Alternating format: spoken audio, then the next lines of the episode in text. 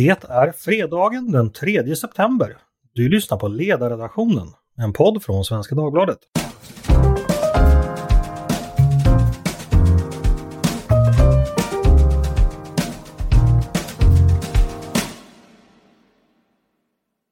Varmt välkomna ska ni vara till ännu en fredagspanel med Svenska Dagbladets ledarredaktion.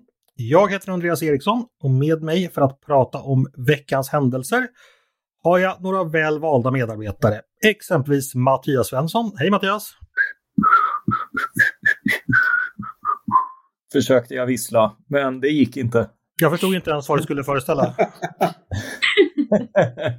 Nej, det, eh, det blev som vanligt när politisk, politiker ska göra musik, men lite progressivt hoppas jag att det var. Jaha, okej, okay. du är inne på det här musikspåret som uh, hela Sverige är då. Ja, ja. Vi, vi, vi, kommer prata detta förstås, men vi ska prata allvar först. Uh, men tack för visslingen uh, Mattias. Peter, du får jättegärna säga hej och inte vissla. Peter Wemblad, hej! Hej! Hur mår du? Jag mår bra. Du har haft att göra i veckan. Ja, det kan man väl lugnt säga. Jag ser fram emot helgen. Ja, får se hur det går, går med helgfriden. Och välkommen Maria Ludvigsson! Tack så mycket! Hur har du det? Tack! Jag har det alldeles utmärkt där jag sitter i eh, en barnkammare för här är det väldigt mycket gosedjur och då blir det bra ljud har jag förstått i poddstudion. Mm, det är jättebra. Själv sitter jag i mitt arbetsrum och där har jag massa böcker som jag hoppas fungerar ungefär likadant. Men jag får väl köpa fler böcker för att eh, en del lyssnare har klagat på ljudet. Hörni, eh, vi ska ju som vanligt på fredagar gå igenom det som har hänt i veckan och se om vi kan tänka eller säga något klokt om det. Eh, som jag sa, Peter har varit eh, i full rulle hela veckan med att vara grävande journalist kring hur regeringen har hanterat Cementa och hela den historien. Eh, du var ju med i podden igår Peter och berättade jättemycket om det, men du kan väl berätta om den senaste utvecklingen. Vad är det du håller på att gräva i nu? Det vi pratade om i podden igår, det var ju att jag hade letat fram en myndighetsrapport om konsekvenserna av ett stopp i Slite som få kände till innan. Mm. Och eh, när jag letade fram den där så fick jag anledning att misstänka att, att regeringskansliet hade försökt att få den här myndigheten som heter Sveriges geologiska undersökning, SGU, eh, att, ja, man kan väl kalla det för begrava den, alltså att, att eh, de ville att den skulle få så lite uppmärksamhet som möjligt. SGU skulle låta bli att publicera den, utan bara, bara skicka in den och låta den bli diarieförd. Just det. För vad det är frågan om här är ju då alltså, vi pratar ju om den här cementfabriken på, på, på Gotland som ni säkert har hört talas om. Det var ju då konsekvensen av ett produktionsstopp där som skulle utredas. Och vi vet ju att dels har ett privat konsultföretag fått utreda det, men det här som regeringsuppdraget, det var då inte lika känt, men det blev färdigt då redan 20 augusti som jag förstod, för två veckor sedan ungefär. Precis. Eh, nej men så att eh, jag luskade reda på vidare där och eh, begärde ut diverse mejltrafik. Eh, och då kunde jag konstatera att det har funnits eh, kontakter mellan Regeringskansliet och SGU om kommunikationen av den här rapporten och att eh, enligt personer på SGU så har det framförts önskemål om att inte publicera den. Eh, och det har då SGU dessutom har rättat sig efter. Mm. De lät ju bli, och även Boverket lät bli att publicera. Hur eh, anmärkningsvärt är det här skulle du säga? Jo, det är Jag såg nu precis att Per Bolund och Ibrahim Baylan redan var kallade till näringsutskottet med anledning av det här. Det är klart att det är uppseendeväckande. Alltså, jag har fortfarande mer material att gå igenom. Jag vet fortfarande ännu inte liksom vad motivet har varit bakom regeringskansliets önskemål, men att vårt önskemålet framförs och att en myndighet dessutom rättar sig efter det. Det, var ju dessutom, det har ju också fått fram att det fanns ju plan, alltså det fanns en plan på att kommunicera det, lägga ut en nyhet, pressmeddelande och allt sånt där. Och allt sånt ströks dagen innan mm. den här rapporten skulle lämnas över till regeringen då efter önskemål från departementet. Det är onekligen ett, ett äh, avslöjande. Och du hittar ju också, som du sa, Boverket var inblandat delvis här. Eh, I vilken roll minns jag inte exakt, men där hade ju inte ens den här rapporten diarieförts trots att den hade kommit dit. Eller diari diariefördes inte förrän nu helt enkelt. Nej, eller precis, eller det var deras... Nu, nu blir det lite tekniskt där, men, men Boverket skrev ju en, en delrapport och de hade, eh, som också var rätt, som de skickade till SGU den 13 augusti. Eh, och som sen blev en del i den större rapporten. och det var den som inte eh, diariefördes förrän igår. Mm. Och det, är, det, är, det är ett lagbrott, eh, skulle jag säga. Alltså det, det står ju i offentlighetslagstiftningen att utgående handlingar och inkommande handlingar ska ju diarieföras på en gång. Så är det. Och du har fortfarande saker att gå igenom här så att det kanske kan komma fler avslöjanden vad det lider. Väldigt spännande. Hur är det att göra ett sånt här jobb där man håller på och gräver? Hur, hur, hur känner man sig eller hur, hur, hur, tänker man? Det är en lite speciell känsla. Alltså, när, när man, nu har inte jag egentligen varit nyhetsjournalist, men jag har väl liksom, jag tror mig ha nyhetsnäsa. Så att man känner liksom i kroppen att så här finns det. Mm. Och då, då går ju adrenalinet igång. Liksom. Mm.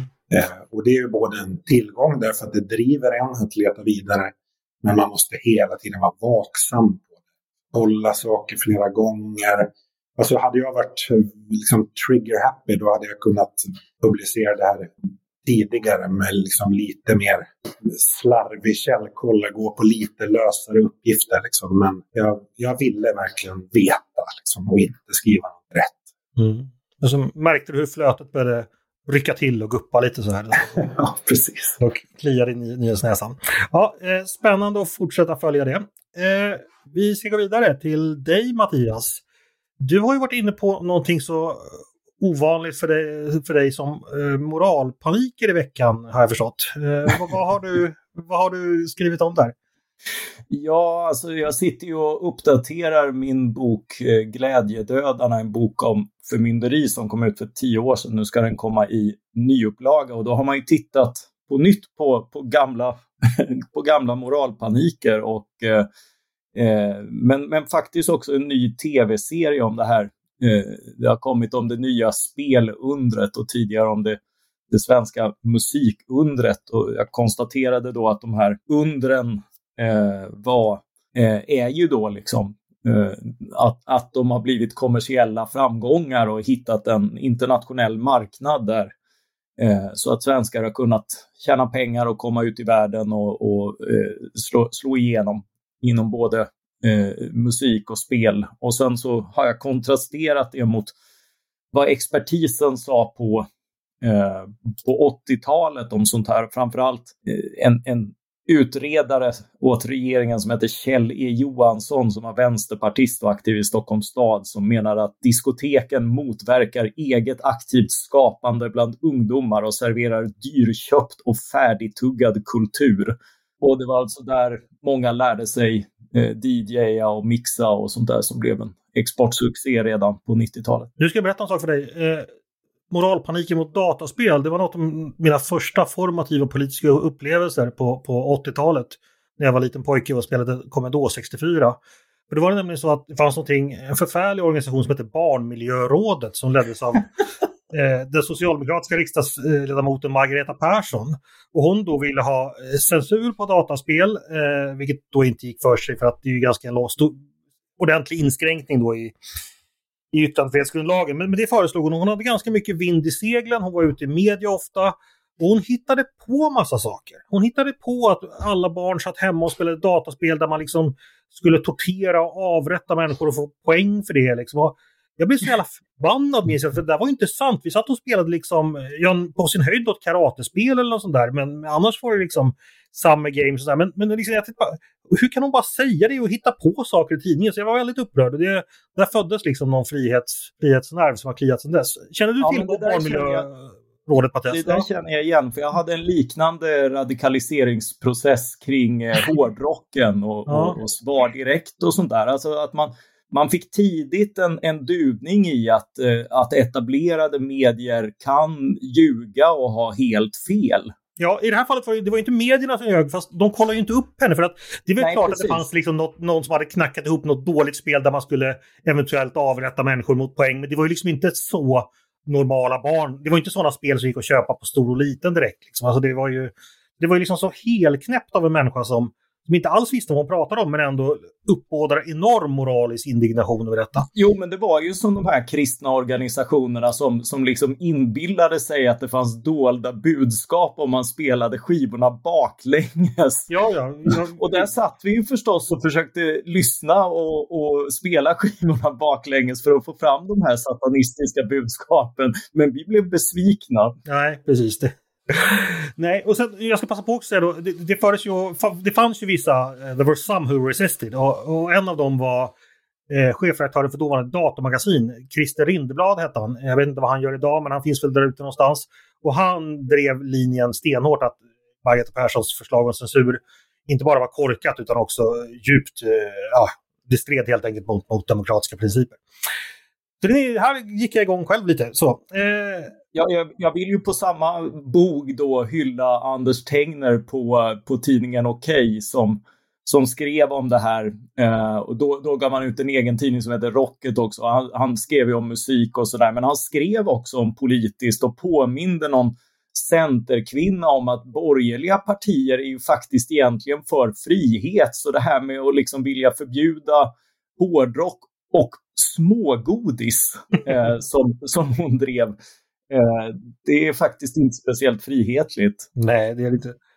Eh, Maria, hade du, du dataspel när du var barn? Ja, nej, men vi gjorde det real life och där fick jag fick också ett, minne, ett barndomsminne om det här med att, att vuxenvärlden är alltid bekymrad över hur barn leker och att det där liksom, istället för att vuxna då går in och styr upp leken, re, leken så ska någon politiker styra det här. Eh, och vi lekte krig helt enkelt. Jag bodde mm. på en gata där det bara var, det var mest pojkar som lekte. Och så hade man då, och så skulle man skjuta ihjäl varandra, man var olika länder och skulle skjuta ihjäl varandra. Och den, som, den man hade ihjäl, dens vapen fick man byta till. Så genom att döda andra så skulle man gå upp och få bättre och bättre vapen. Så det var ju ganska avancerat. Eh, och det här var några föräldrar då i grannskapet som tyckte det var eländigt att vi gjorde sånt, medan min mamma då sa att det är jättebra att ni lär er hur man hanterar sånt här och konflikter och så. det finns olika synsätt på det där, men det verkar som att det är något som är evigt, att man ska, rädd, man ska liksom skydda barnen från att leka verkligheten.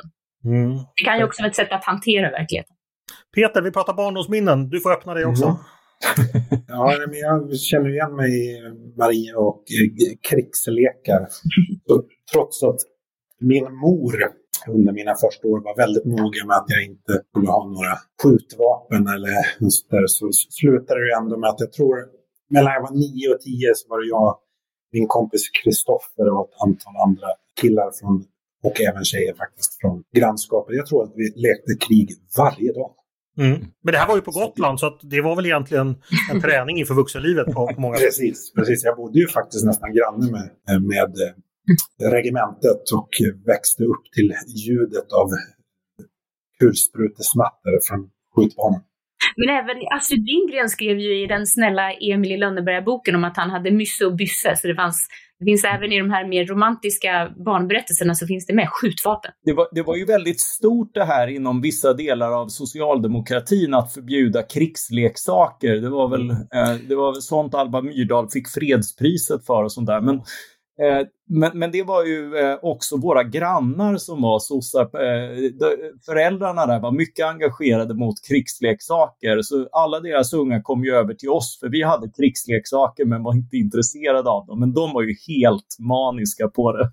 Alltså faktum är att det här var ju även Barnmiljörådet på och det ledde ju faktiskt till, den här politiska debatten ledde till en självreglering då branschen bestämde sig för att inte sälja vapen, alltså leksaksvapen som föreställde vapen tillverkade efter 1945 tror jag. Så alltså cowboyrevolvrar och svärd var okej okay, men inte liksom automatkarbiner eller alltså M16 eller något sånt där. Alltså, så de har man aldrig sett i svenska affärer.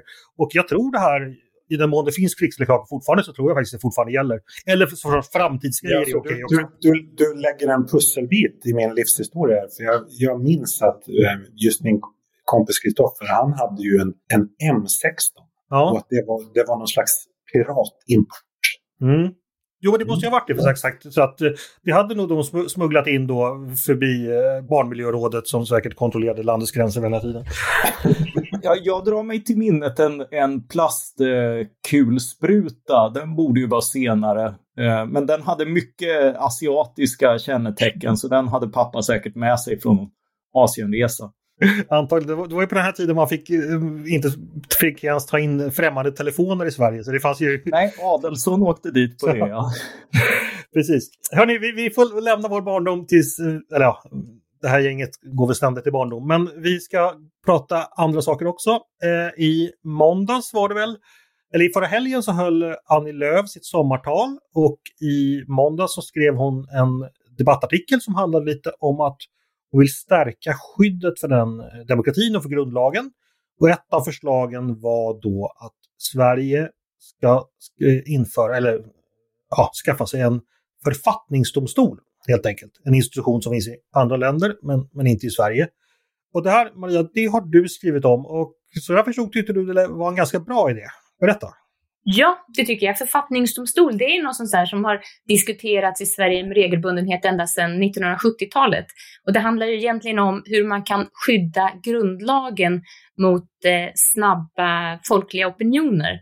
Tanken är att det är en del av konstitutionen, den viktigaste delen av lagstiftningen, den som säkrar friheter, yttrandefrihet, äganderätter, den ska vara skyddad från snabba eh, förändringar politiskt. Och då har man som skydd för detta då att man ska ha, för att ändra i den så måste man ha ett extra val mellan två olika riksdagar. Där skulle man kunna göra ännu trögare då. Så poängen är att vissa saker ska kunna regleras snabbt, men några grundläggande rättigheter måste vara skyddade för detta. Och det här är inte någonting nytt egentligen. Man, I Tyskland så införde man det efter andra världskriget då, där man hade erfarenhet av vad som kan hända om man kan ändra i konstitutionen allt för snabbt. Så det är någonting som har kommit av behov, men det är också något som är det har kommit, man kan se det som en diskussion, en mer ideologisk och idébaserad diskussion mellan höger och vänster, där socialdemokrater som jag har diskuterat detta med snarare framhåller att det som per definition är rätt, det är det som är folkviljan. Och där kommer man in på det här med rättspositivism och synen på hur en lag ska se ut. Och, och det där är ett intressant eh, jag ska säga, en intressant punkt där borgerliga och vänstern faktiskt tycker olika av ideologiska skäl. Och därför är den frågan väldigt intressant att diskutera. Och den är intressant att fånga i ett centerparti som många har, av oss har undrat om de är vänster eller om de är borgerliga. Och det här är typiskt sånt en typiskt borgerlig värdering som, är, som nog inte bara ska ses i skenet av att det finns ett parti som de har särskilt svårt för i riksdagen, utan också att det är ett sätt en inlaga i debatten om huruvida Centern är höger eller borgerlig eller vänster. Mm. Precis, så kan man se det. Vi diskuterade ju detta i podden i onsdags. Eh, då var det jag och vår kollega Paulina Neuding och Moderaternas eh, partisekreterare Gunnar Strömmer. Och eh, lite vad vi fick med oss från den diskussionen, framförallt Paulina Neudings åsikt, det var ju det här med att Centern gör det här, vi måste förstå kontexten varför Centern går fram med det nu, för det här med att skydda den liberala demokratin, det, är inte bara, det vill de ju och det är också det de, anledningen till att de inte vill ha en borgerlig regering som eh, behöver stöd av SD. Att det är så att säga den politiska kontexten nu och att man liksom använder det här snarare som i den dagspolitiska debatten än att man ser några eviga värden med en författningsdomstol. Lite så rörde sig vår diskussion då. Jag vet inte om du har hört på den Maria, men vad tänker du om det? Jo, jag tänker så här, det gör inte förslaget sämre. Alltså tanken på en författningsdomstol är i alla fall en, en förstärk, ett förstärkt skydd av grundlagarna är i sig en bra idé, alldeles oavsett om Sverigedemokraterna finns med i riksdagen eller inte. Det är så man kan säga att det här tyckte jag redan för tio år sedan. Min åsikt då eh, och det, min åsikt idag är densamma som då. Så värderingarna hos den som förfäktar detta behöver inte ha förändrats, utan det är de som är viktiga. Det är de man kan falla tillbaks på i den debatten som idag nästan alltid uteslutande handlar om vilka partier som tycker vad och varför. Mm.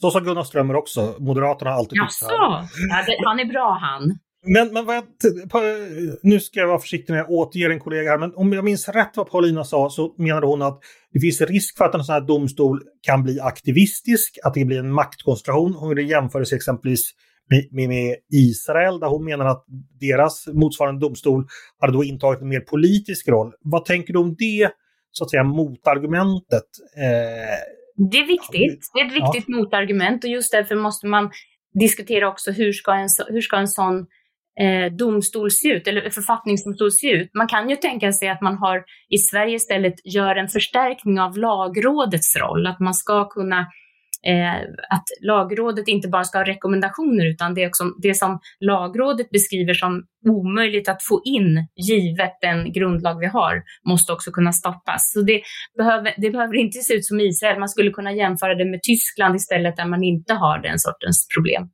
Men det är också det som vi, det vi är rädda för i vår tid är ju att det ska bli som i de länder som har spårat ur. Man pratar om Ungern och Polen. Och, och, det är naturligtvis otäckt, men, men där i ligger inte ett likhetstecken. Bara för att de har gjort det så finns det inget likhetstecken med att det skulle ske i Sverige. Jag tror det, det är viktigt att hålla sig till de principiella diskussionerna som leder fram till detta. Eh, en sån är ju den rättspositivistiska som faktiskt handlar om, alltså, är det verkligen, ska parlamentet stå över även grundlagen i, på ett snabbt sätt? Just principer. Vi har ju vår ideologiska ankare Mattias Svensson här. Jag vet att du begriper juridik lika klent som jag gör, men du kan väldigt mycket om ideologi. Vad tänker du här? Eh, ja, jag är ju inte jurist utan människa. Eh, eh som eh, krönikören Fredrik Johansson brukar säga. Jag snor det för det är väldigt roligt. Eh, nej men, eh, det finns ju två saker. Alltså, det är viktigt att inte att, att det här, att grundlagen och liknande institutioner står ovanför partipolitiska konflikter, att de inte blir ett redskap mot ett parti och deras eh, parlamentariska ambitioner, utan, utan att det faktiskt finns ett ramverk som, som liksom garanterar maktskiften, oberoende institutioner och så, men inte går utöver det. Eh, och, och, risken när man liksom drar in det, eh, gör, gör, det till ett redskap mot ett parti är ju att man, man äventyrar lite grann den ställning som grundlagen och grundlagar ska ha i, i demokratin. Och det andra är ju att när vänstern har upptäckt de här eh, grundlagarna så, så är det ju liksom, då, då öppnar det ju för liksom snarare att, att låsa fast en, en vänsteragenda och få domstolar som är, som är liksom politiskt aktivistiska i att, att expandera staten, när snarare de här eh, funktionerna för, för liksom grundlagar och liknande är ju liksom att, att, att, vara en begränsning av makten. Och om det är noga att begränsa den, den parlamentariska makten med, med maktutövning under lagarna och respekt för människors rättigheter, så är det ju ännu viktigare att eh, att grundlagsfunktionen är, är fundamental men väldigt avgränsad i sitt uppdrag så att det liksom handlar om det det genuint gemensamma. Och, och därför var jag, jag, lite olycklig för eh, SD-kopplingen. Den kan bli relevant, men då får man ju ta upp det i förslag som SD har som är, som är relevanta eller ambitioner. Men, men, men ramverket vi har i Sverige måste skydda alla partier och all maktöverföring och, eh, och så. Och då måste alla känna att de, är, att de är med på den båten och att det inte är redskap mot dem. Peter, vad vill du tillföra till denna miniseminarium i konstitutionell rätt? Den här kontexten är ju egentligen ingenting nytt. Alltså, även tidigare så är det klart att ett skäl till att borgerligheten och framförallt Moderaterna förespråkade en författningsdomstol var ju att man då upplevde, och kanske till viss del fortfarande, som Socialdemokraterna som ett hot. Alltså att, eh, den socialdemokratiska rättspositivismen. Liksom. Så att så all, alla förslag har alltid någon form av politisk kontext. Så, så jag har respekt för, för Paulinas invändningar, men eh, just den, den där kontexten är liksom ofrånkomlig. Sen så tänker jag också att så ett sätt att undvika politisering är ju just att det handlar om att liksom förhandspröva lagstiftning snarare än att pröva den när det blir ett specifikt fall som alltid riskerar att politiseras. Mm. Mia, vad tänkte du säga? Ja, det, det, var när vi fortfarande diskuterade Sverigedemokratspåret, så jag, när jag tittade på deras eh, hemsida och sökte på vad de har för åsikter om författningsdomstol, så det enda jag kunde utröna var att de nog tyckte att ett stärkt lagråd, lag, att lagrådet finns och att det räckte så. Mm. Eh, så, så, ibland är det så att man diskuterar Sverigedemokraterna utan att veta vad de vill, för de kanske inte alltid själva vet riktigt vad de tycker om andra frågor än invandring. Så är det ju. Hörni, ni som vill veta mer om detta, lyssna gärna på podden från i onsdags då ni får höra Gunnar Strömmer och Paulina Neuding. Båda jurister och eh, tänkare av en helt annan kvalitet än vad, vad jag är. Eh, reda ut detta närmare. Här ska vi gå vidare till någonting enklare och det är då Peters tur att berätta om en text som jag blev så glad över för att eh, Ja, jag håller ju inte alltid med om vad ni skriver på ledarsidan, men det här var jättebra Peter. Du skrev om vaccinpass nämligen. Eh, och berätta. Men vi har ju en pågående debatt om huruvida det ska införas någon form av vaccinpass i Sverige, det vill säga att det ska krävas bevis på vaccinering för att till exempel få tillträde till nattklubbar eller idrottsevenemang eller konserter. Alltså, alltså dels för att, de här, att man ska kunna öppna upp de här sektorerna eh, utan att det riskerar att leda till mer smittspridning. Och jag har full förståelse för den ambitionen, men jag tycker att eh, nackdelarna och riskerna med något sånt eh, är större och att vi bör låta bli. Mm. Kan du bara utveckla riskerna och nackdelarna? För många tycker väl kanske så spontant, ja men det kan vi väl göra och då blir ju allting enklare för mig som är vaccinerad. Men riktigt så enkelt är det ju kanske inte. Alltså, det, dels, det är två saker. Dels är det ju det principiella argumentet att rang, ha att olika, medborgarna ska vara olika, ha olika rättigheter beroende på de val de gör eh, i livet. Alltså, många av de som inte har vaccinerat, ännu har vaccinerat sig har ju hur dåliga och förvirrade eh, skäl som helst, men det är fortfarande tillåtet att lite knäpp och förvirrad i, i Sverige. Mm. Eh, men det som kanske för min personliga del är det starkaste argumentet är att det finns ju, alltså vi ser ju erfarenheter från andra länder, att det finns ju en kulturkonflikt här. Alltså jag tror att det, det finns en uppenbar risk att man liksom väcker en rörelse och skapar en samhällskonflikt här som vi inte vill ha. Det handlar ju fortfarande om att alltså ett sånt här vaccinpass skulle kanske vara i bara fungera under några månader, liksom, eller kanske bara några veckor tills liksom, alla restriktioner är hävda. Jag, tyck, jag tycker inte det är värt priset. Alltså, vi har nog med vad säga, kulturkonflikter och fiendeskap mellan människor i Sverige. Så jag tycker vi, vi behöver liksom inte framkalla en till om det inte är väldigt, väldigt det är ganska många på båda sidor om kulturkriget som gillar när det öppnas nya fronter. Det ska man ju komma ihåg. Folk kan ju ha ett intresse av det. Absolut, så kan det men, men, men jag är inte intresserad. Nej, inte jag heller. Eh, Maria och Mattias, är det någon av er som vill invända mot Peters resonemang? Nej, på det. Jag håller med. Mm. Det var bra. Jag, jag, får väl, jag får väl kritisera mig själv. Det har varit ja. ganska flitigt inflöde i min mailbox. Jag skulle säga att det är liksom 50-50 eh, där. Så att det är ju en, det är en fråga som eh, splittrar är nog fel ord, för det är inte så att jag har fått några hatmejl. Alltså men, men att det finns väldigt eh, olika uppfattningar i vår läsekrets bland väljare som liksom normalt sett så får man heja rop, men här, här så delas publiken upp i två lägen. Liksom. Mm.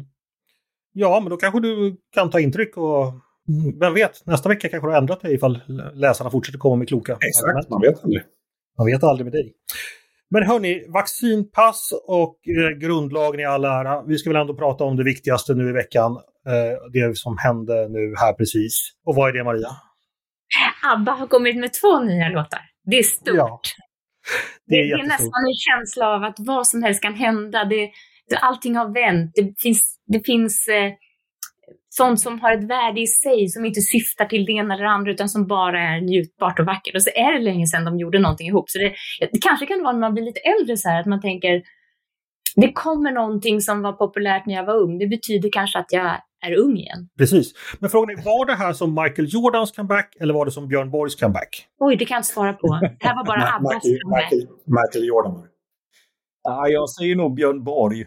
För Björn Borgs comeback var ju ganska sorglig. Han stod där med träracket och förlorade i två raka set i Monte Carlo 1991. Eller vad det var. Du kan, alltså, du kan inte jämföra ABBA med träracket. Jag säger bara det. Fast, men, men fast jag, jag, tycker att det är, jag tycker det är intressant att du tar upp eh, en, en av de berömda 56orna. För min, min första känsla när jag fick höra om att ABBA skulle släppa nytt, det var lite just så här, som att Ingemar Stenmark skulle mm. åka i pisten. Liksom. Ja. Det var som ett eko från en svunnen tid. Mm. När Sverige stod stilla under andra åket. Ja. Eh, men det, alltså, det är bra låtar, Maria. Ja, det är det verkligen. Det är verkligen. Jag tänkte, har det nu blivit så att det bara är musikal över deras musik? Men det här, det är pop och det är det som ABBA, när ABBA var riktigt bra så var det ju musikaliskt briljant. Inte mm. bara att det var eh, rytmiskt, utan det är väldigt snyggt gjort. Eh, och de har också, både Annifrid och Agneta har kvar sina röster. Sen har Annifrid blivit eh, en låg alt snarare än mezzosopran som hon var förut. Så hon har en väldigt djup röst och det är snyggt. Åh oh, fan, ja, fantastiskt. Jag tänkte vi skulle bara gå igenom, det finns ju massor med ABBA-minnen och ABBA-historier.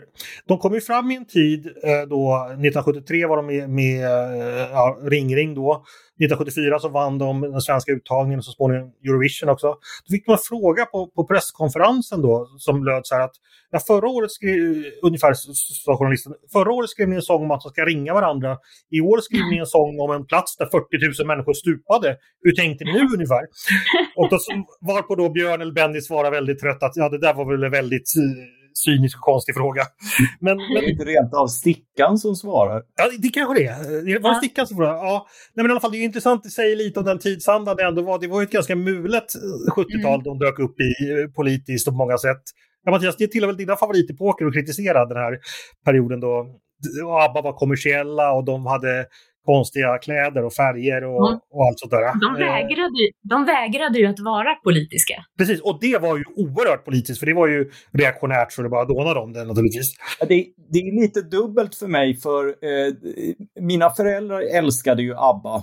Eh, och eh, det var ju det de, de spelade på farsans diskotek och sådär. Och, och eh, det var ju det man växte upp med och det jag blev gruvligen hånad för när jag, när jag började i skolan. Eh, därför att på 80-talet så var ju det här det absolut töntigaste man kunde lyssna på. Mm. Jag, jag, vet inte om ni minns hur ute ABBA var. Det är ingen som vill kännas vid det nu, men på 70-talet så väckte de ju agg i progrörelsen och sådär, men på 80-talet blev de verkligen tok ute. Jag upptäckte ju dem egentligen först med Erasures covers i slutet på 80-talet att fan det här är ju riktigt bra. Jaha, är det ABBA? Mm, det kom ju ett ABBA-revival där runt 1990 eller början på 90-talet. Där de ja, släppte... men det var väl den här australiensiska filmen med transor och sånt där som, som skapade den revivalen. Så att de släppte kom... sina Gold-skivor. Precis. Men jag måste fråga, fråga dig Peter, du har ju en musiksmak lika smal så att den är närmast liksom av Palme privatspanare eh, spets liksom. eh, vad säger en sån musiktaliban som, som, som du om, om ABBA? Som sagt, jag är musiktaliban och sträng i min musiksmak, men jag älskar ju ABBA.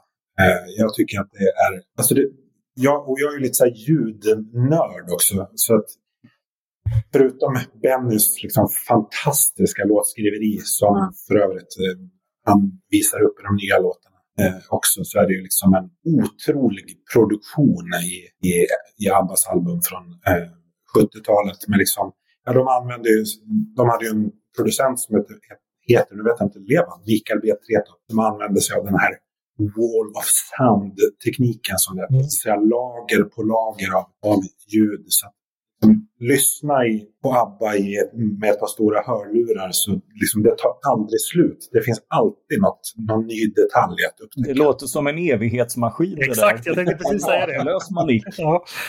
Eh, ja. Men sen får, jag erkänna, sen får jag erkänna att ganska länge så tyckte jag att min fäbless för ABBA var lite pinsam. Mm. Men sen visade det sig att eh, en av mina stora liksom, musikidoler, eh, som är så smal så jag ska inte nämna hans namn, eh, att han älskade ABBA och tyckte att det var världens bästa band. Så då kunde jag liksom... Ja, det var okej för dig också. Alltså. Ja.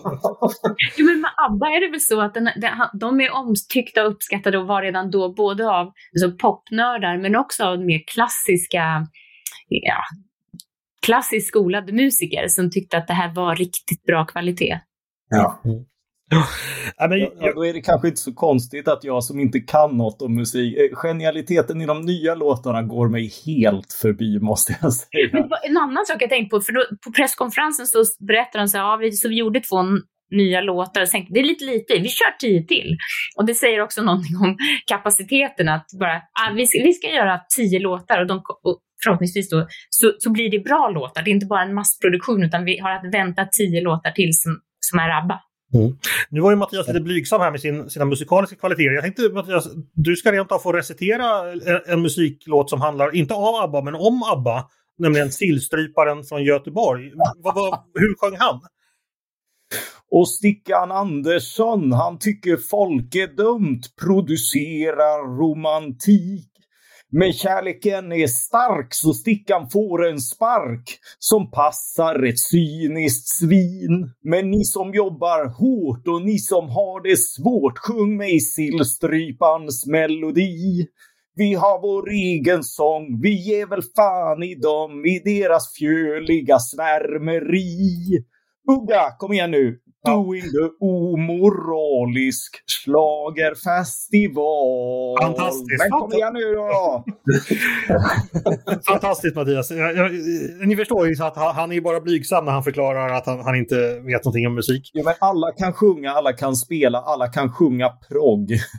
Ja, det var ju, det var ju, noterade att jag inte har visslat i mitt vuxna liv, så de musklerna får jag jobba på. Nej, men det, det var väl då proggens eh, budskap så att säga, att alla kunde spela och sjunga. ABBA visade väl kanske att vissa kunde spela och sjunga bättre än andra, så det var väl på sitt sätt ett politiskt budskap i det. Onekligen. Hörni, eh, vi ska ta och runda av och vi ska göra som vanligt med att vi eh, ger våra lyssnare ett litet tips inför helgen. Någonting att läsa eller tänka på eller ett besök man kan göra, en aktivitet, någonting trevligt helt enkelt. Eh, jag undrar om Mattias, skulle du kunna börja och lätta på förlåten där? Oj, ja, vad ska jag göra? Jo, eh, jag har en vän som eh, rensar i sitt vinlager. Eh, det ska jag se om jag inte kan titta förbi på. Det, det, det är ju en väldigt trevlig sak att bli inbjuden till. Ja, verkligen. Eh, så ni ska sitta och, och pimpla upp de vinerna som, inte, som är färdiglagrade helt enkelt? Ja, alltså det är ett tufft jobb, men någon måste ju göra det. Onekligen, onekligen. Tappert. Eh, Mia, vad har du att tipsa om? Eh, Jag, jag vet inte om jag törs tipsa om det, för det är lite grann av en överraskningstillställning för min tvillingbrors käraste. Mer än så kan jag nog inte säga. Nej, okej. Då tipsar vi inte om det, mer än att man ska, man ska kolla sina hemligheter när man pratar i podd. Peter, kan du eh, avslöja någonting offentligt om dina tips? Ja, alltså jag har redan varit inne på det. Jag tycker att eh, helgens tips är just att plocka fram sina gamla ABBA-vinyler eller eh, plocka fram ABBA på Spotify och lyssna på i stora lurar. Ja, Absolut. Då Eh, Alltså, då missar man ju kläderna. Jag har suttit och tittat på YouTube här. Det är ju fantastiska videos de har gjort. ja, det är det faktiskt. Jag, jag, såg, jag såg för övrigt eh, någon artikel i Guardian att även i Abbas fall så handlade de konstiga kläderna om att de skulle kunna dra av deklaration. mm. Onek, ja, Det precis. är dansbandskostymen återigen. Vi kan ju Ja. bara passa på att tipsa också om vad Mattias sa på morgonmötet i morse när han förklarade varför han inte hade Spotify. Mattias, va- varför har du inte det? Ja, ja men... Eh, alltså jag är inte så hemma på... Svaret var så här, jag har inte fått någon inbjudan. Så att ni lyssnare som kanske kan förbarma er över Mattias, skicka en inbjudan till Spotify, för det är tydligen det han behöver för att kunna lyssna på Spotify. Eh, Ja, snart, snart kanske jag blir riktigt uppdaterad och, och tar en invite till det här Clubhouse också. Det får vänta till 2028 eller något sånt där. Men hörni, vad bra. Då ska vi ta avrunda för idag och eh, tacka för idag. Eh, vi kommer ju höras nästa vecka igen allihopa. Eh, så tack Mattias. Tack så mycket. Tack Peter. Tack! Och tack Maria. Tack själv. Och tack till alla er som lyssnat på Ledarredaktionen, en podd från Svenska Dagbladet. Ni får jättegärna, om ni vill, höra av er till oss, eh, mejla och säga vad ni tycker om det vi har sagt. Eh, sånt är alltid jättetrevligt. Jag fick exempelvis ett mejl med ett bättre recept på hovmästarsås än det jag presenterade för två veckor sedan och det receptet kommer jag använda i fortsättningen. Så det tackar jag för. Eh, men också om ni har tankar på det vi ska ta upp i framtiden. Det händer ju saker hela tiden så vi behöver era ögon och öron där ute för att plocka upp det mest intressanta. Då mejlar man till ledarsidan snabla svd.se så tittar vi på det. Stort tack för idag, trevlig helg hörni. Och eh, jag ska bara avsluta med att säga att producenten idag heter Jesper Sandström. Och jag heter Andreas Eriksson. Och jag hoppas verkligen vi hörs igen snart.